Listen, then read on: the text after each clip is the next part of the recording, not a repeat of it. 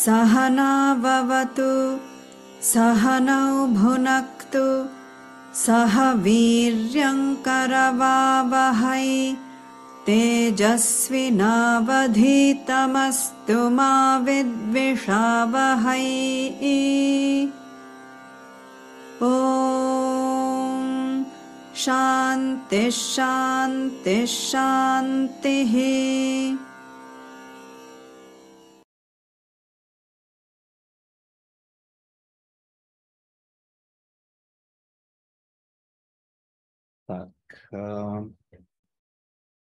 dneska to zkusíme rychle. Umí někdo vysvětlit, proč na začátku uh, se pořád zabýváme těmi hodnotami?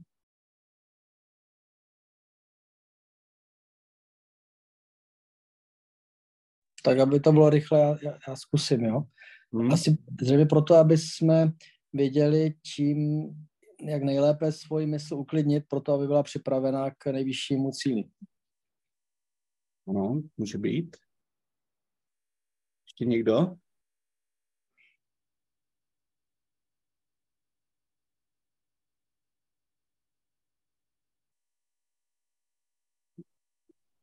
Tak ještě dodám, že uh, i z toho prostého důvodu, že se to nikde jinde neučí.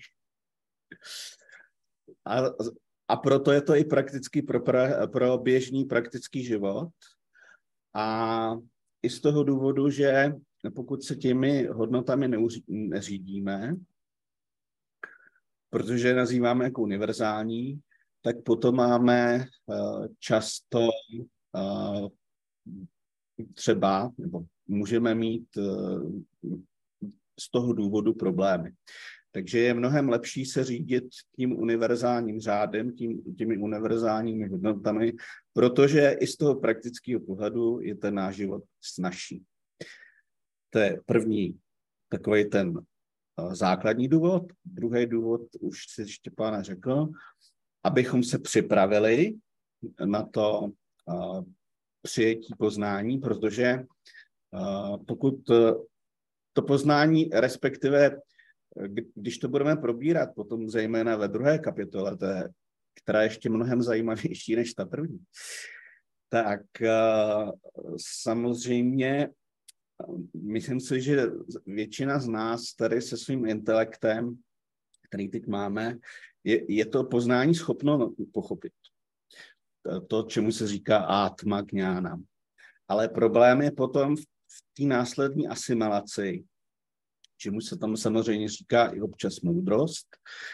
A bez toho, abychom měli předtím asimilované ty hodnoty a, řekli, a vedli jsme ten řádný život, tak uh, to poznání samotný nepřinese ty plody, které od toho očekávám. Tak to bych to asi vysvětlil. No.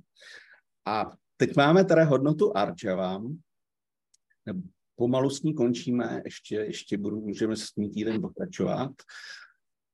Uh, může ji někdo zkusit vysvětlit?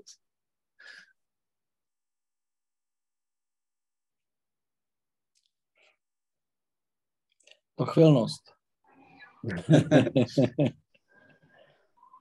Vy se ještě pár vysvětlí, já vím, že teda už dvakrát slovo, ale ty jsi mi použil jedno slovo, jedno slovo, které se mi tam líbilo a já jsem, jí, já jsem ho nepoužíval v tom, většinou v tom výkladu, protože jsem to vykládal jako soulad myšlenek slofačinů. Ty jsi použil taky dobrý slovo, jako to, jestli si pamatuješ na I začínalo. Integrita. Jo. No, takže mám vysvětlit Arjavam, jo? No, jen to rychle vysvětlit. Arjavam je soulad myšlenek, slov a činů a v zásadě všechno se točí kolem mysli, tudíž aby mysl byla klidná, tak, tak nutně musí být v souladu s, s tím, co říkáme a s tím, co fyzicky vykonáváme. A to nejenom v jednotlivostech, ale v jakémsi, jako v komplexu. To znamená, že v zásadě musíme postupovat jako při jakémkoliv jiném tréninku něčeho náročného, takže začínáme od menších věcí a postupujeme k těm komplexnějším, tak aby výsledkem bylo opravdu to, že cokoliv říkáme, cokoliv říkáme, tak to taky si myslíme a tak taky jednáme. Jo. A dobře. A, a vlastně směřujeme k tomu, aby jsme to dodržovali důsledně. Že to je to mistrovství v tom. A jakmile jsme v tom mistři, tak nám to právě dává tu velkou životní sílu, tu velkou životní energii, což se nazývá to šakty. A to nám samozřejmě potom pomáhá zase k osvojení uh, toho poznání, k tomu osvobození.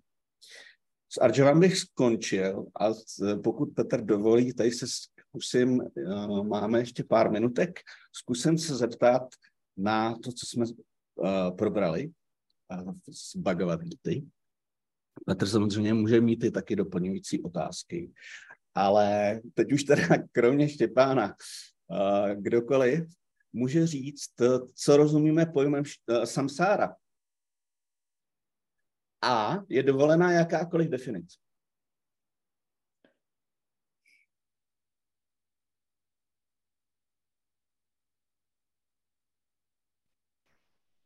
Mm, tak já to zkusím.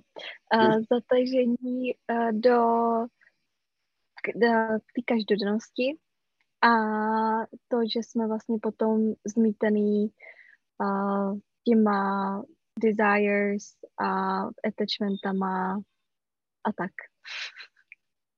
Entanglement prostě. tak, taková základní jednoduchá definice samsáry by se dala vzít. Taková, řekněme, předškolní. Ale to, to vůbec nevadí. Uh, ještě někdo umí? By, uměl by doplnit?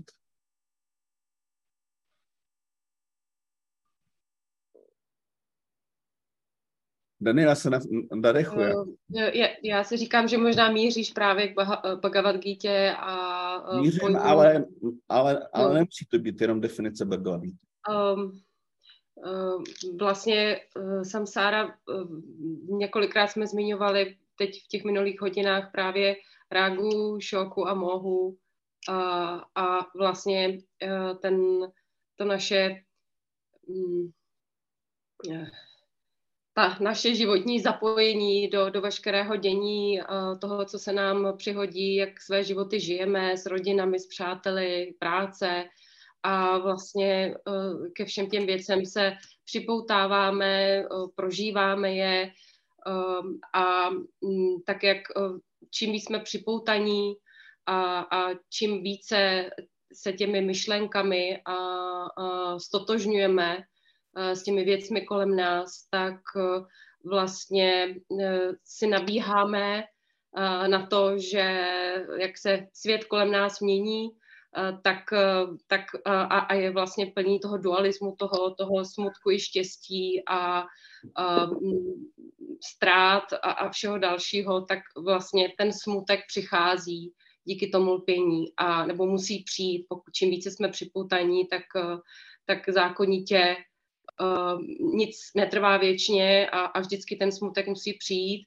A následně vlastně to je ten Arjuna i potom ta, ta delusion nebo ten, ten, no. ta zmatenost a pomatenost toho, co je, uh, co je správné, co je dobro a zlo a vlastně nemožnost se v té situaci orientovat a ztráta intelektu um, a, a i toho vlastně, že ta mysl se snaží Eh, ty věci víceméně vysvětlovat, ale nesprávným způsobem a jakoby imituje i ten intelekt. Takže eh, v těch, v těch v životech se dostáváme eh, do situací, kdy jsme ztracení a, a, a třeba i potřebujeme někoho, aby nám pomohl se zase na svět dívat a na ty naše životy trošku jako s nadhledem a, a s hlavou v, vidím pořád tu, ty oblaky tam nad, nad vylítnout letadlem nad ty oblaky a podívat se na to z vrchu.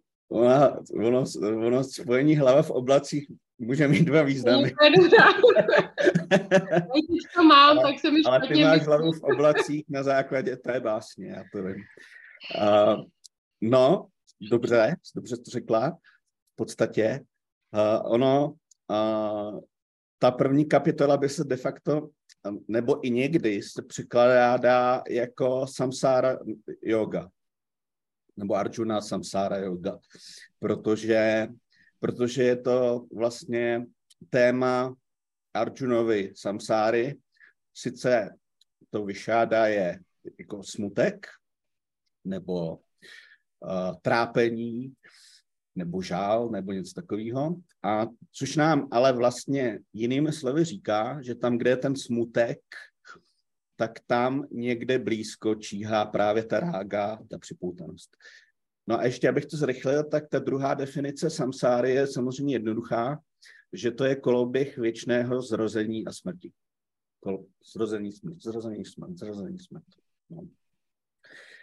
Uh, taková jednoduchá otázka pro Pavla třeba, to už jsem dlouho nevyvolával.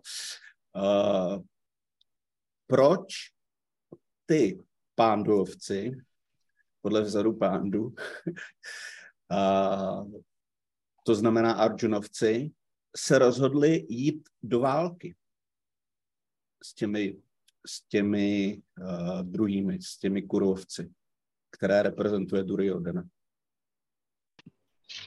To nevím, to je otázka věcná, ale předpokládám, že, že chtěli chránit, chránit dobro. že, že viděli, že ty kaur, kaur, kaura, kauravovci jsou, jsou jako e, vlastně darebáci a no. že je potřeba jakoby nastolit m, prostě pomoc tomu, to, těm silám dobra. Jo, no řekla jsi to teda dobře a já bych to teda to jenom trošku líp sformuloval. Oni šli bojovat zadarmo. Zadarmo. Zadarmo. Za da- dharmu, neboli řád, spravedlnost. Proti a dharmě, neboli nespravedlnosti nebo ne řádu. Akorát my víme potom z těch dalších veršů, že si to ten Arjuna díky té připoutanosti a smutku a tomu klamu celá popletl a začal si myslet, že vlastně šli bojovat jenom proto, aby znovu získali to království. Což ale nebyl, nebyla pravda, nebyl to ten hlavní důvod. Ještě jenom taková, protože už se asi pomaličku blížíme, taková, taková zajímavá otázka, protože se to často uvádí, je to, myslím, z nějaký Upanishady, Kato, Katona, Kato Panishad, jestli se nepletu. Uh, ten Arjuna uh, v jedné chvíli přikázal svému vozatajovi, kterým ještě, který ještě nebyl guru, uh, Krišnovi, aby ho zavezl před uh, to nepřátelské vojsko, aby se prohlídl. A proč se ptám?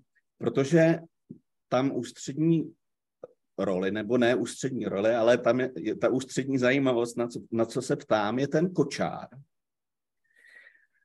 A za prvé, co všechny ty složky toho kočáru reprezentovaly a proč eh, byl tažen bělouší? Ví to někdo? Jako bílými koňmi, jo, bělouší, jo. Jo, jako bílými koňmi.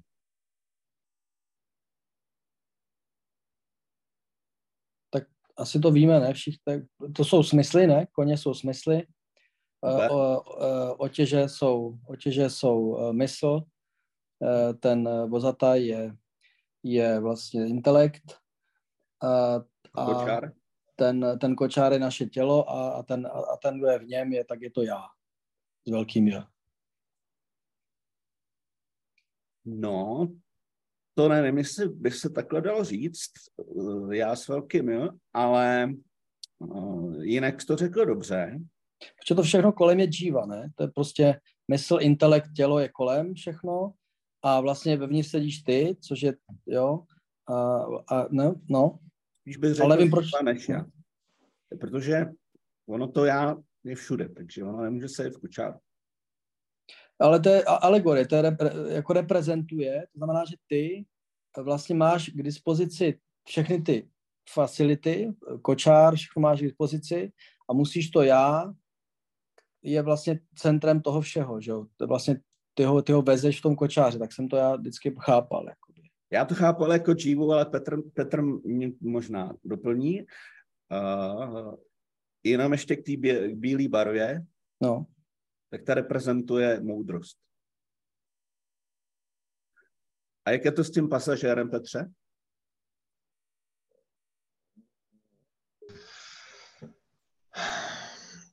Já mám pocit, že pasažér je dživa. Taky si myslím. OK, tak, tak, jsem, tak to jsem mluvil.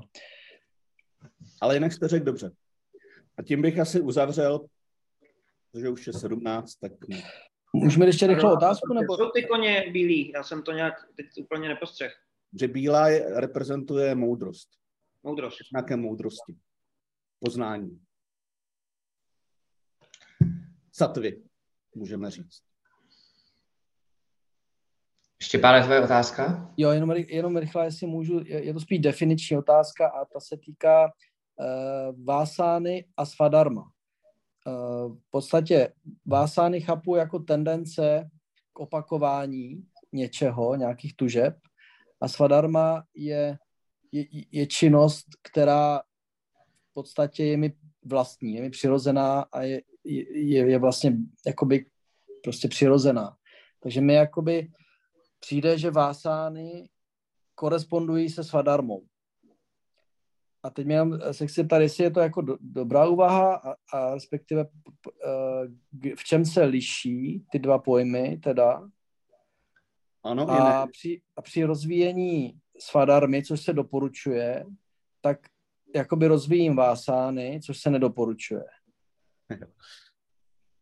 Já řeknu, eh, a pak, pak už předám slovo Petrovi, který si to už převezme celý. Tak, svadharmu můžeme definovat eh, dvěmi způsoby. Buď naše vrozené tendence ve smyslu talent k něčemu, což je spíš definice taková ta klasická, kterou učí s vámi Jean, a nebo svadharma se taky překládá, což budeme probírat dále, jako určitá specifická povinnost vyplývající z naší současné role. Což znamená, že svadharma Arjuny, jakožto kšatrii, byla bojovat protože svá dharma je jako moje nebo moje povinnost. Vyplývající z určitý role. Jo? A svadharma šatry je bojovat. Kdežto bráhmana, a tam právě je ten problém u dróny, bráhmana byl učitel, ale ten, jeho svadharma není bojovat, je to naopak jeho paradharma.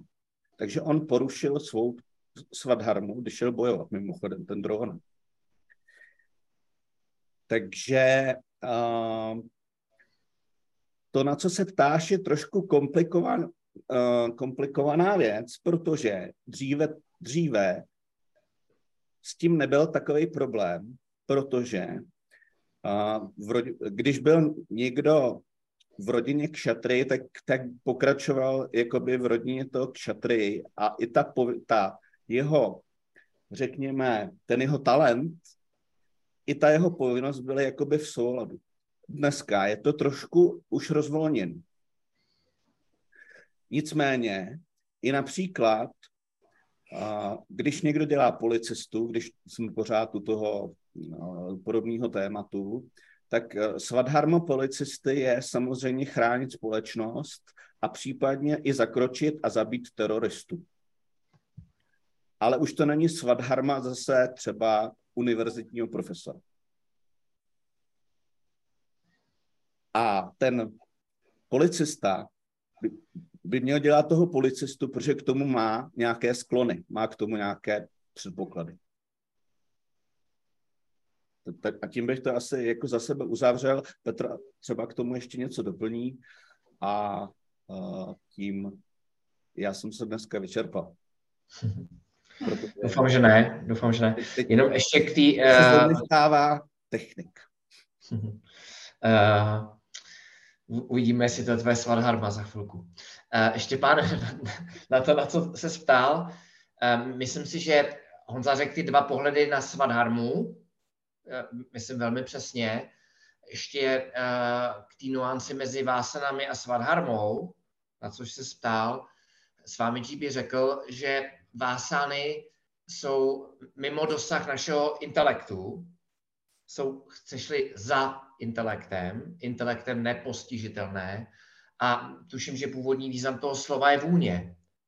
Můžeš si to představit jako i tak, že každý z nás má jistou specifickou vůni, míněno osobnostní vůni, nádech.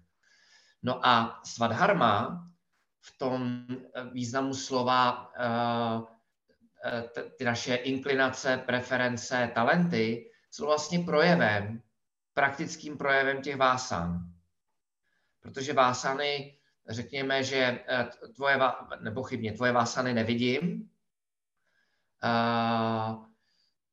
jsou pro mě nepostižitelný i pro tebe samotného, ale, ale pokud tě budu znát, tak eh, tvoje svadharma eh, mi bude zcela zřejmá. Hmm?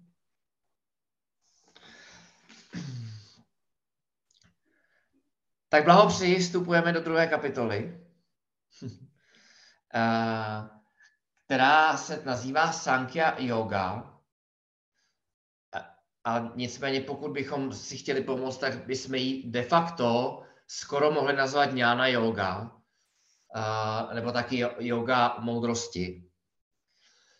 Protože ona obsahuje celou řadu témat, je to velká kapitola, ale, ale tím hlavním tématem, ke kterému se tuším dostaneme asi uh, za dva týdny ode dneška, tak tím hlavním eh, tématem je skutečně Atma Jnánam, uh, neboli sebepoznání. Uh, s dovolením navážu na to, kde začal Honza, protože Honza začal samsárou, otázkou samsáry. A, a to je pro tu fázi Bhagavad Gita, kde se nacházíme v celku relevantní. A když se podíváte na člověka, nebo zamyslíte nad člověkem, nad někým, kdo chce získat duchovní poznání, tak potřebuje projít v zásadě, dalo by se říci, čtyřmi fázemi. Čtyřmi fázemi vývoje tak jako třeba motýl od housenky, pokud, pokud jsou čtyři. A právě tou první fází je objevit v sobě a okolo sebe, pochopit problém samsáry. To znamená pochopit, že já, řekněme v tomto případě jako Petr, trpím všemi těmi třemi aspekty které jsme nazývali rága, šoka, moha. A, a mezi námi je nepochybně řada, řada lidí, spíš naprostá většina lidí, která se to nikdy neuvědomí. A, a myslí si, že jejich hlavní problém může být třeba manželka, nebo že nemají děti, ne, ne, ne, nebo nějaké onemocnění, nebo finanční starosti a další věci.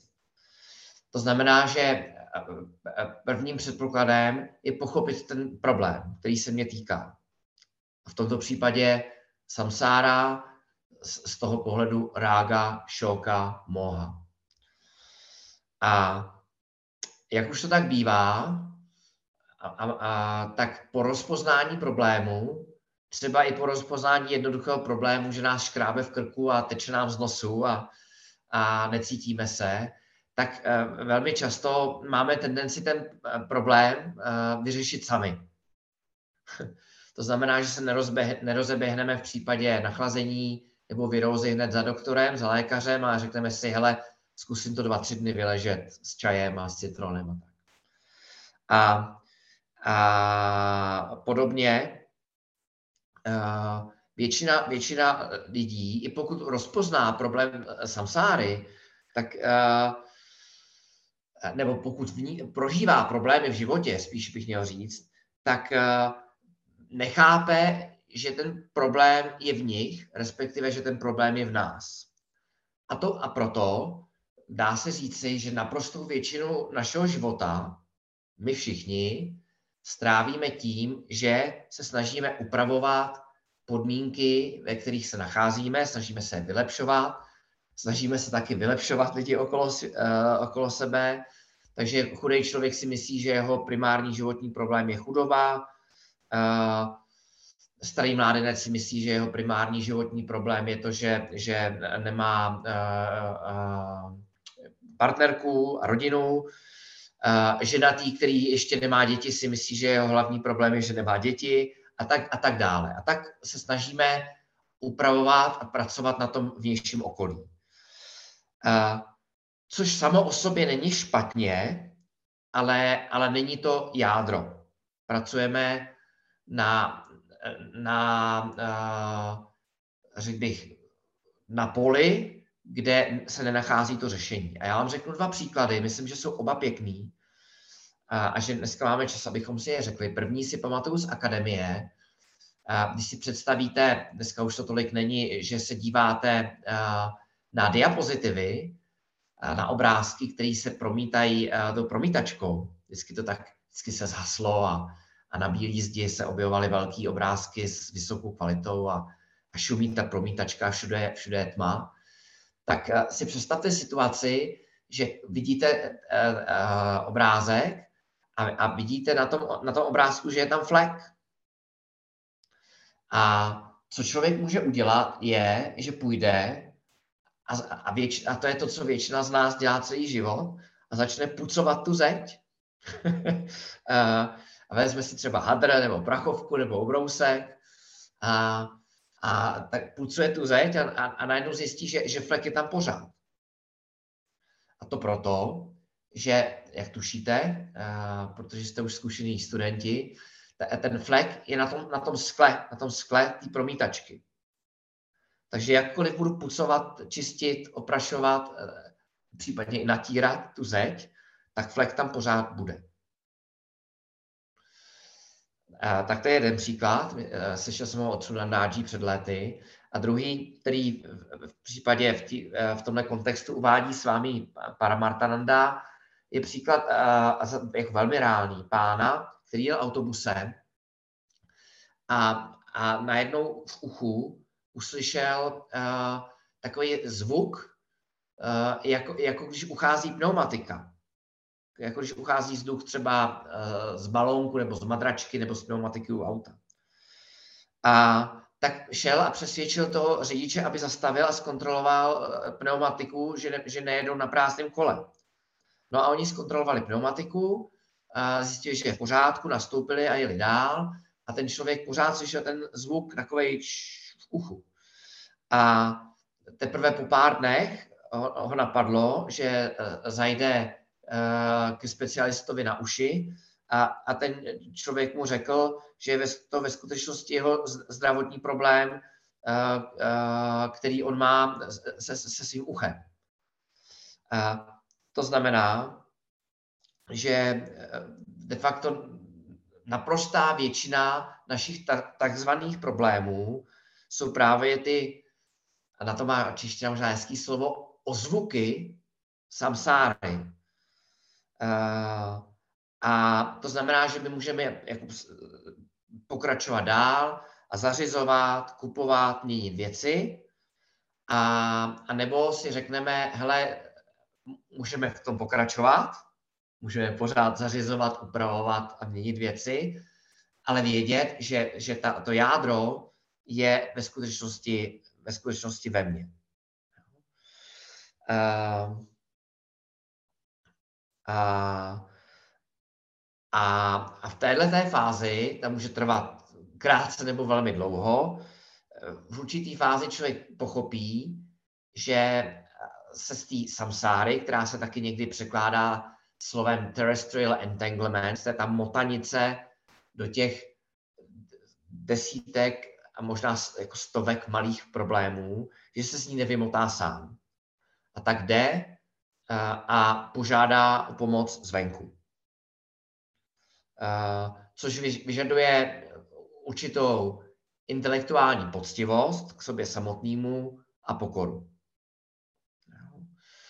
A jak se říká, a stone that is fit for the wall is not left in the way. Ten kámen, který se hodí, pasuje do té zítky, tak nezůstane ležet ladem na zemi. Jinými slovy, když je žák připraven, učitel se objeví. A teprve poté, poté, po té třetí fázi, kdy se člověk odevzdá učiteli, tomu se říká takovým krásným sanskrtským slovem šaranágaty, tak může následovat skutečné studium pod vedením učitele. No a, a, a teprve v, v této fázi, nebo teprve poté, má to studium skutečný smysl. No a Arjuna uh, prošel uh, v zásadě první fázi, uh, pochopil uh, samsáru, ale ještě nepochopil úplně svoji bezmocnost a hledá řešení. A ještě ho bude dneska a příští neděli zřejmě hledat. A to řešení vidí v tom, že položí všechny zbraně a vezme nohy na ramena, ale zdá se, že v něm něco hlodá, vnitřní hlas, o kterém jsme taky mluvili, to svědomí, a, a, a to něco mu říká, hele, možná, že to není úplně Arjuna to správný, správný řešení. Protože v koutku mysli uh, mu svědomí, jsem se teďko zarazil, protože se nejsem jistý, že to je správné slovní spojení, že v koutku mysli svědomí něco říká, takže to opravím a řeknu, uh, slyší hlas, možná hlas svého svědomí, které mu říká, hele, ale ty jsi kšátria, ty bys měl bojovat za darmu. Takže má pochybnosti. A to je důležitý moment, protože uh, přejít od chybného závěru, od chybného přesvědčení k pochybnostem nebo k pochybnosti je velký pokrok. Protože když srovnáte ty dvě situace, první je setrvat ve špatném rozhodnutí a pokračovat, pořád kopat tu jámu hloubš a hloubš pod sebou. A druhá, druhá možnost je odložit krumpáč a říct si, hele, to asi možná vůbec nemá smysl. A, možná bych ji vůbec neměl kopat nebo kopují na špatném místě. A to znamená, že teď v těch prvních verších druhé kapitoly se uvidíme za chviličku, že Arjuna postupuje, postupuje od špatného rozhodnutí, ve kterém je přesvědčený, to je ta fáze, ve které to teďka byl, eh, k pochybnostem. A tak se obvykle odvíjí náš eh, vlastně osobní růst. Máme nějaký špatný názor nebo špatný přesvědčení, pochybnosti a pak následuje poznání. A pokud bychom použili jazyk gun, který, který znáte, máte, máte už do značné míry k dispozici tohle vybavení, tak bychom mohli říct, je to posun od tamas přes rajas k satva. Tamas žádné pochybnosti nemá, rajas ano a satva ví. Takže ještě jednou to schrnu úplně krátce strukturovaně, abyste to zachytili. Prvním krokem je objevit problém samsáry. Druhým krokem je pochopit, že problém je ve mně. Vys dva příklady, promítačka a e, zdánlivý zvuk ucházející pneumatiky.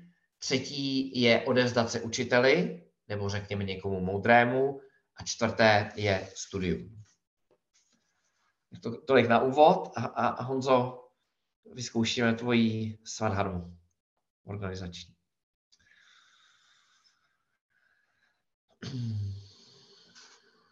Sanjay उवाच तं तथा कृपयाविष्टम् अश्रुपूर्णाकुलेक्षणम् विषीदन्तमिदं वाक्यम् उवाच मधुसूदनः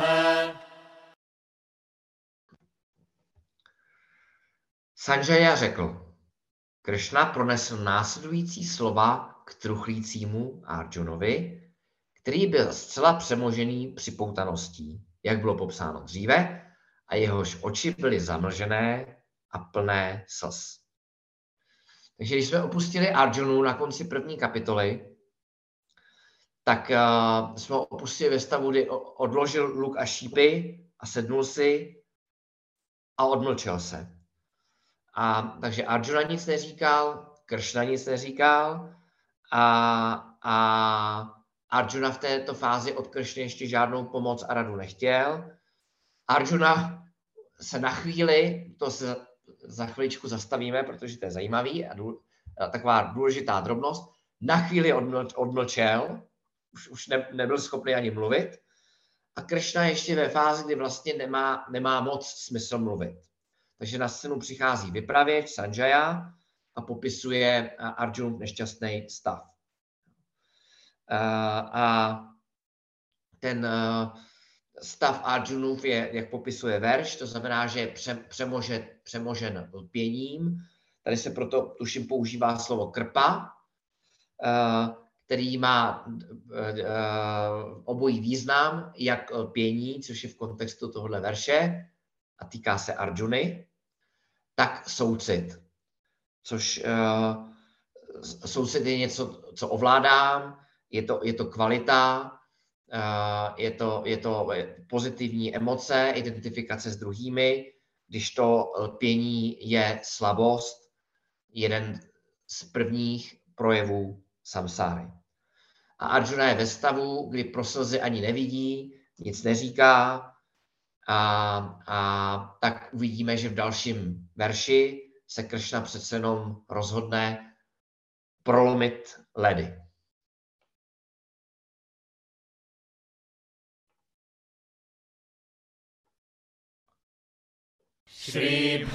श्रीभगवानुवाच कुतस्त्वाकश्मलमिदम् विषमे समुपस्थितम् अनार्यजुष्टमस्वर्ग्यम् अकीर्तिकरमर्जुन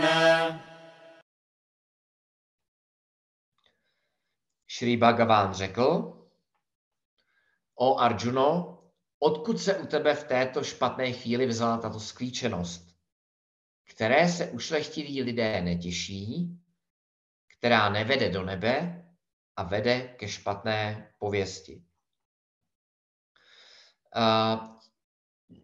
Tím souslovím Šrý Bhagavan máme na mysli, pokud bychom se měli pokusit o překlad, tak bychom možná řekli požehnaný pán, máme na mysli Kršnu, jehož ústy pán hovoří. A, a Kršna teď promlouvá k Arjunovi. A v tomhle ještě v následujícím verši uh, se Kršna pokusí Arjunu doslova vybeč, vybičovat, česky bychom možná řekli vyhecovat, rozpohybovat.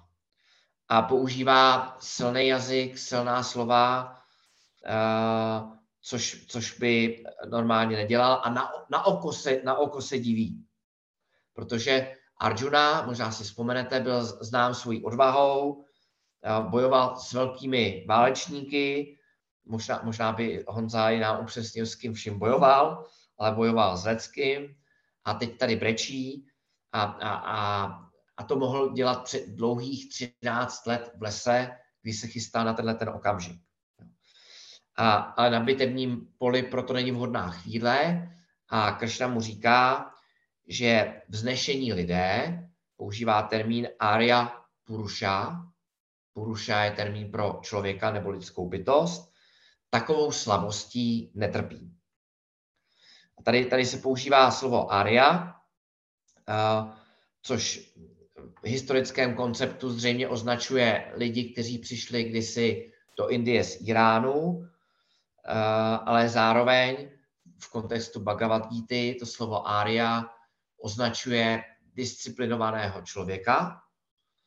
A pokud bychom měli definovat, kdo je to disciplinovaný člověk, tak bychom mož, asi mohli říci, že to je člověk, které, který v každém okamžiku dělá to, co dělat má, bez ohledu na jeho likes and dislikes, bez ohledu na jeho rága dvéša bez ohledu na to, aby rozlišoval to, co, to, co je pro něj příjemné a to, co, to, co je nepříjemné.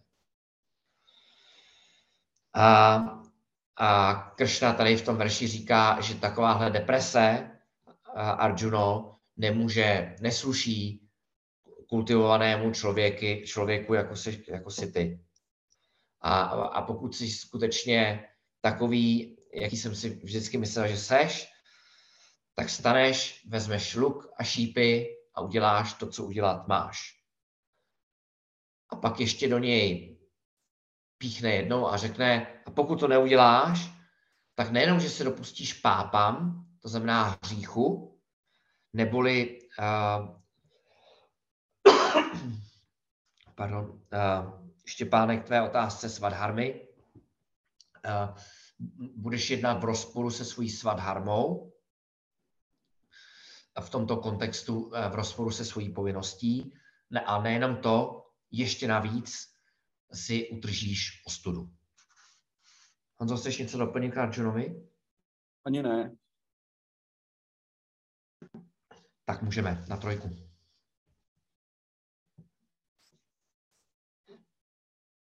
क्लैब्यं मास्मगमः पार्थ नैतत्त्वय्युपपद्यते क्षुद्रं हृदयदौर्बल्यं त्यक्त्वोत्तिष्ठ परन्तप O Arjuno, Krishna pokračuje, o Arjuno, nepropadej nemužnosti. Tento stav se k tobě nehodí. Vzdej se této nízké malomyslnosti a vstaň, o Arjuno. Takže to je ten druhý verš, eh, ve kterým Kršna mluví a říká, uh, Arjuno, je to pro tebe ostuda, odhoď tuhle tu mentální slabost. Uh, a doslova bičuje uh, Arjunu, jako kdyby to byl kůň, volí i dobře zvolený jména, tam, tam vidíte, označuje Arjunu slovem parantapa. Uh, anglicky jsme to překládali jako scorcher of enemies. Nejsem si úplně jistý, co znamená slovo scorcher, Honzo. Je to hubetel to... nepřátel.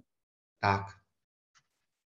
tak. Pak je tam ještě párta, jakoby syn uh, prd, prty. Jako... Mm-hmm. No a, a tady zase je z psychologického hlediska to velmi zajímavé, protože přestože Krishna k Arjunovi hovoří, tak ještě neučí Bhagavad Gita. Uh, nemluví o Dňána Joze, žádný Atma Brahma, Nitya, Sarvagata a tak dále. Uh, nemluví ani o Karma Joze, ani o Dňána Joze, a to proto, že Arjuna se mu ještě neodevzdál není připravený poslouchat.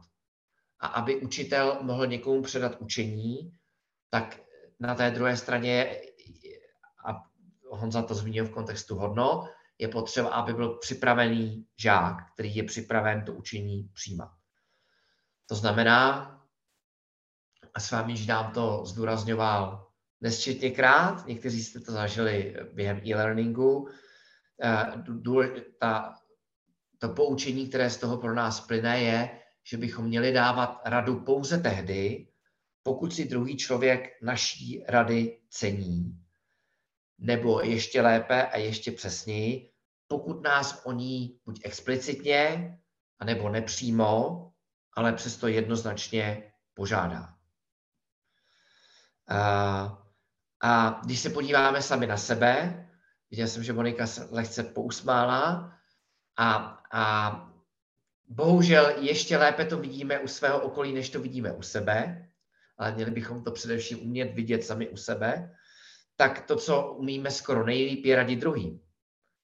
Takže když nám někdo řekne, já si to pamatuju, protože jsem to zažil, hele, my jedeme do Vedanta Academy, tak přirozená tendence člověka, který už tam byl, je uh, radit tomu, kdo to zmínil, jak se připravit, co si zabalit, na co se nachystat a tak dále. A ten druhý člověk se ve skutečnosti možná vůbec neptal. On nám zkrátka jenom třeba chtěl říct, aby, že tam jede. To znamená, že uh, Arjuna si uvědomuje dvě věci. Tu první jsem zmínil, pardon, řekl jsem asi Arjuna, chtěl jsem říct Kršna. Kršna si uvědomuje dvě věci. Za prvé, že Arjuna ještě o žádnou radu nežádá, ale za druhé, a to mně přijde uh, možná pro řadu z nás dneska tady uh, novější, a sice, že téměř jistě Arjuna ještě nevyčerpal všechny svoje emoce. Vysvětlím. Když si, když si vzpomenete, a nemusíte si to pamatovat verš po verši, o to tady nejde, tak velkou část první kapitoly Arjuna chrl jeden verš za druhým tak trošku jako sopka. Byl to kontinuální tok veršů, povídal všechno možné. O rodinách a, a tak dále a tak dále.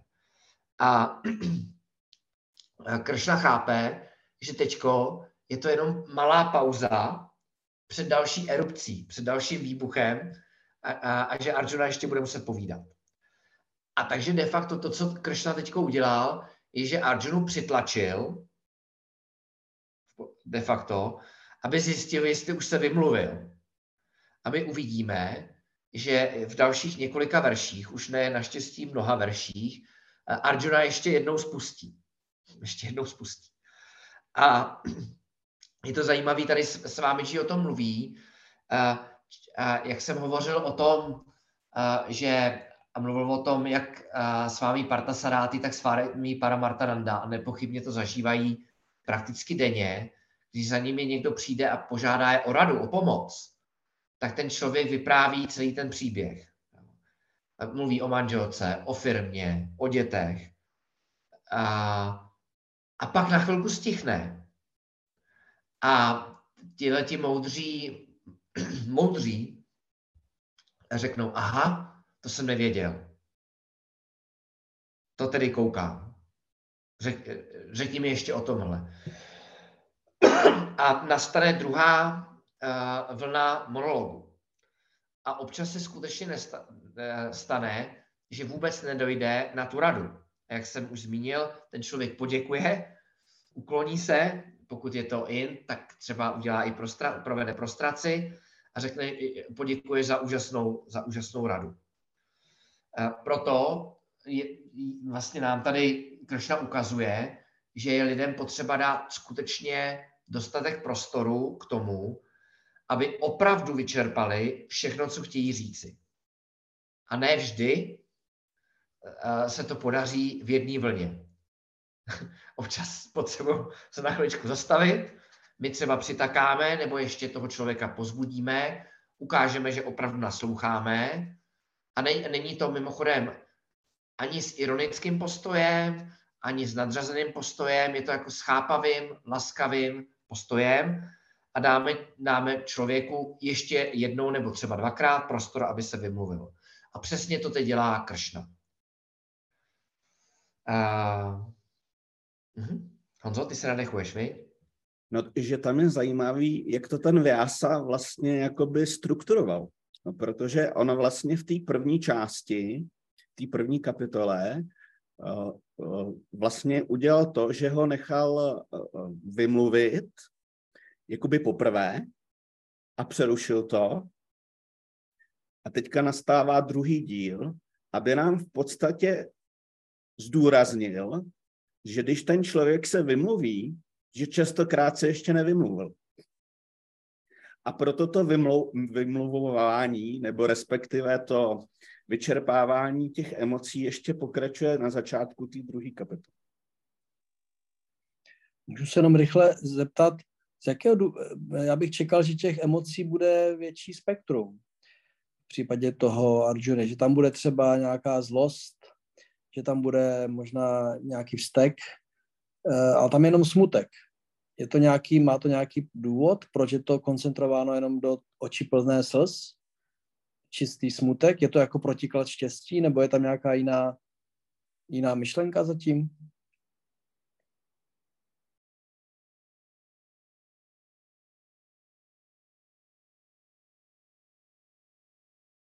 Petře, já tě neslyším.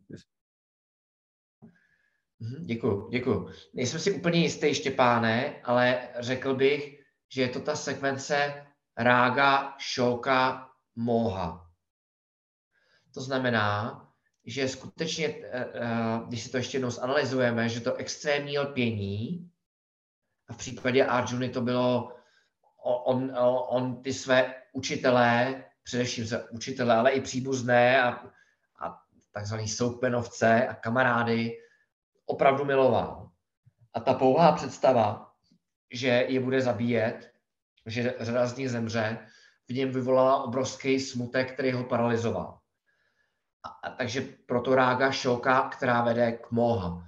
Nicméně zároveň, a jsme v kontextu Bhagavad Gita na bojišti u Arjuny, nicméně platí, že i jiná silná emoce, v zásadě jakákoliv emoce, která ovládne naši osobnost, vede k tomu, že náš intelekt není k dispozici.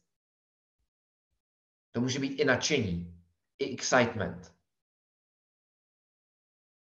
Nebo hněv. Nebo, záv, nebo ot, nemusíme chodit daleko. Králír, hněv, otelo, žárlivost. Jo, ale v případě Arjuna je to smutek. Ono asi by se i dalo říct, že ta šoka reprezentuje všechny to, všechno to, čemu říkáme ty psychické poruchy nebo emocionální poruchy, jako je ta rága, dveša, káma, krodha, lobha, mada, macáry a tak dále. Že u je celá řada, tady to jsou ty nejhlavnější modifikace vlastně touhy. Mm-hmm. Další verš? Mm-hmm. Ano, prosím.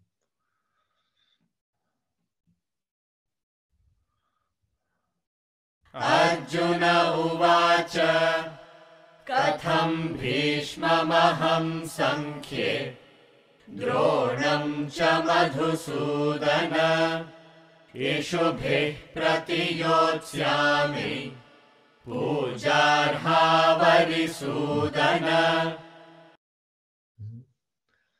Arjuna se zeptal, o Kršno, jak mohu bojovat proti Bíšmovi a Dronovi, kteří jsou oba hodně mé úcty v této válce se šípy, o Kršno. Můžu jenom tady Arjuna se... Skočit. Mm-hmm.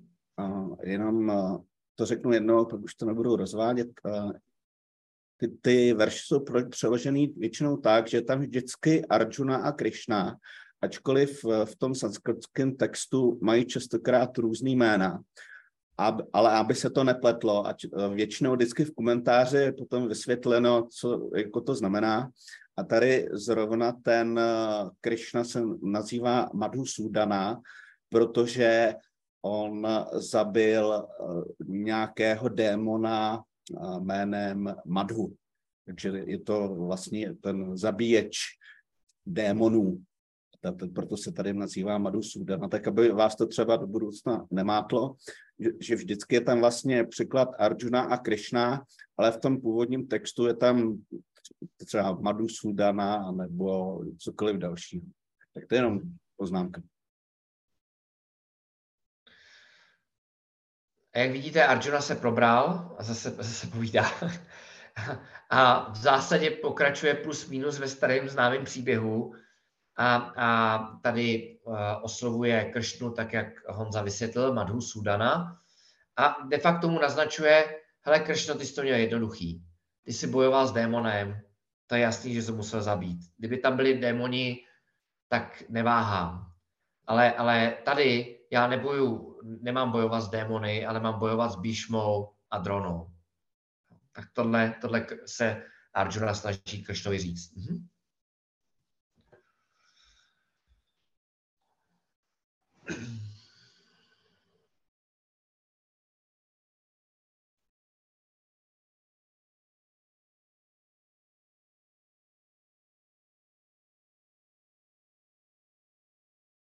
To bylo strašně rychlý no, teďka. Mm-hmm. Tak, další verš. गुरून् हत्वा हि महानुभावान् श्रेयो भोक्तुम् भैक्ष्यमपीह लोके हत्वार्थकामांस्तु गुरूनिहैव भुञ्जीय भोगान् रुधिरप्रदिग्धान्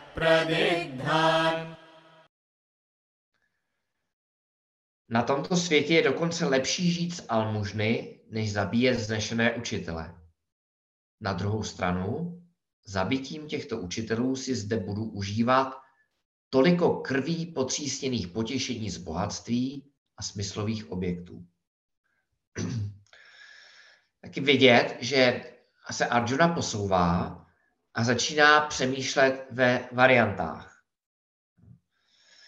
Protože když nebude bojovat, tak uh, může utéct uh, do lesa, do, asi tenkrát do pralesa, a žít životem mnicha, uh, nebo případ, případně poustevníka a žít o almužně. Uh, a říká si, jaké jsou plusy a minusy těch jednotlivých variant. Druhá varianta je pro něj bojovat a, a, a zabít své učitele, a získat krví potřístěné království a smyslové objekty. A jinými slovy, zdá se, Arjunovi se zdá, že vybírá mezi dvěma špatnými variantami. Je tady taková zajímavá drobnost, pokud si vzpomenete na ty takzvané čtyři varny neboli kasty, tak si vzpomenete respektive spíš bych řekl čtyři až, až rámy, čtyři životní fáze, tak v zásadě i v dnešní době to trošičku, trošičku tak je, že napřed jsme studenti, jsme mladí, brahmačáry, pak jsme grhastás, to je ten aktivní věk, kdy člověk pracuje, má rodinu, pak jde trošku do ústraní, vána prasta a, a sanyásí, to je ten, si možná vzpomenete, kdo se všeho zřekl formálně.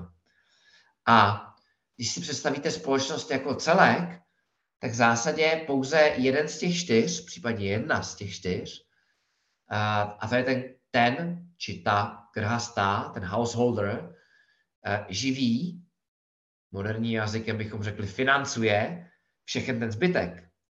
Protože studenti nepracují, ti studují, jsou to často děti a mla, hodně mladí lidé. A potom, když už lidi opouštějí síly, tak jsou ve fázi vána prasta, saňásy, tak taky ne, nepracují a ne, netvoří hodnotu. No a tenkrát právě, uh, protože uh, Arjuna byl grhasta a grhasta u něho, u něho se neslušelo, bylo to právě v rozporu uh, s jeho darmou, byl by to pro něj hřích, aby šel od stavení ke stavení a žebral o jídlo. A, a tomu se říká bikša. To je ta, to je ta almužná, kdy uh, to bylo v pořádku, pokud člověk byl vanaprasta nebo sanyásí. A jako, jako sanyásí to, co mohl, mohl a nemusel dát výměnou, ale jistě se na to tak nahlíželo, je dát radu nebo moudrost v jakékoliv formě mimochodem. Třeba i ošetřit nějaké zranění nebo dát uh, duchovní moudrost. A, a, a proto má právě Arjuna pochybnosti protože ví, že grhasta a žít o žebrotě je pro něj pápa. No a zároveň ta druhá varianta se mu taky jeví jako špatná. Zabít uh, Bíšmu a Dronu se mu zdá taky nepřijatelný. A zdá se, že v tuhle chvíli se spíš kloní k tomu uh, utéct do toho lesa uh, a žít, uh, žít o té, o té almužně. A mimochodem je to typická situace, uh, tady je dramatizovaná eh, eh, dvěma armádami a, a zbraněma a bojištěm a válkou, ale často se nacházíme v, ši, v životě v situaci, kdy máme zvolit mezi dvěma špatnými variantami. Protože pokud máme jednu variantu dobrou a druhou špatnou, tak je to jednoduché rozhodování. A takže tady jde o to, uh, Arjuna je přesně v této situaci, zatím je ještě tvrdohlavý ohledně svých špatných rozhodnutí a, a dokud ne, nepřepne, neudělá ten další krok a neposune se ze špatného rozhodnutí k pochybnostem, tak se neposune dál a s ním se neposuneme ani dál jako my, jako studenti Bhagavad Gita. A z toho pro nás vyplývá, řekl bych dneska, třetí taková praktická věc. Možná si vzpomenete, ještě schrnu. První byla neradit, pokud si někdo vysloveně o radu ne, neřekne, nebo si o ní neřekne alespoň implicitně. A druhá, druhá rada mezi řádky, praktická, spíš psychologická, byla, že to, že nějaký člověk, často nám blízký člověk, uh, už nějakou dobu mluví, protože se potřebuje vymluvit, dá si malou přestávku, tak to ještě neznamená, že, že opravdu ze sebe dostal to, co ze sebe uh, dostat potřeboval. A, a tady je teď přichází třetí, a sice, že pokud se vidíme, že někdo z našich blízkých se pro něco rozhodl a, a nám se to rozhodnutí jeví jako nemoudré, jako špatné, tak můžeme učinit uh, pokus, můžeme jemně navrhnout, ale pak už nezbývá, než čekat, než se dostaví pochybnosti. A do té doby uh, nelze radit. A proto Kršna čeká a my uvidíme, pardon, uvidíme příští týden, v příštím verši, v šestém verši, že Arjuna konečně začne o svém rozhodnutí pochybovat. Honzo, chceš tomu něco dodat? Ani ne musím se správně pustit modlitbu. Mm.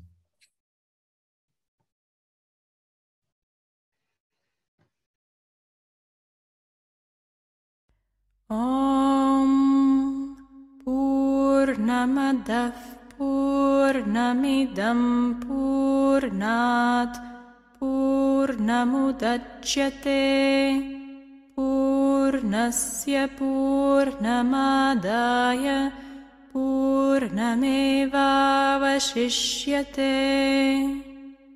ॐ शान्ति शान्ति शान्तिः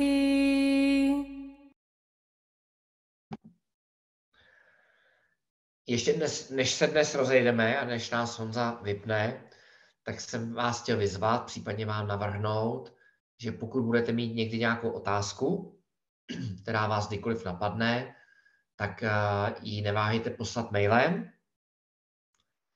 Výhoda toho je, že uh, potrénujete intelekt a schopnost formulovat otázku, což je vynikající dovednost, která se nám všem hodí ve všech oblastech života. A nebo jako dneska Štěpán, klidně na začátku hodin, hodiny uh, se neváhejte zeptat.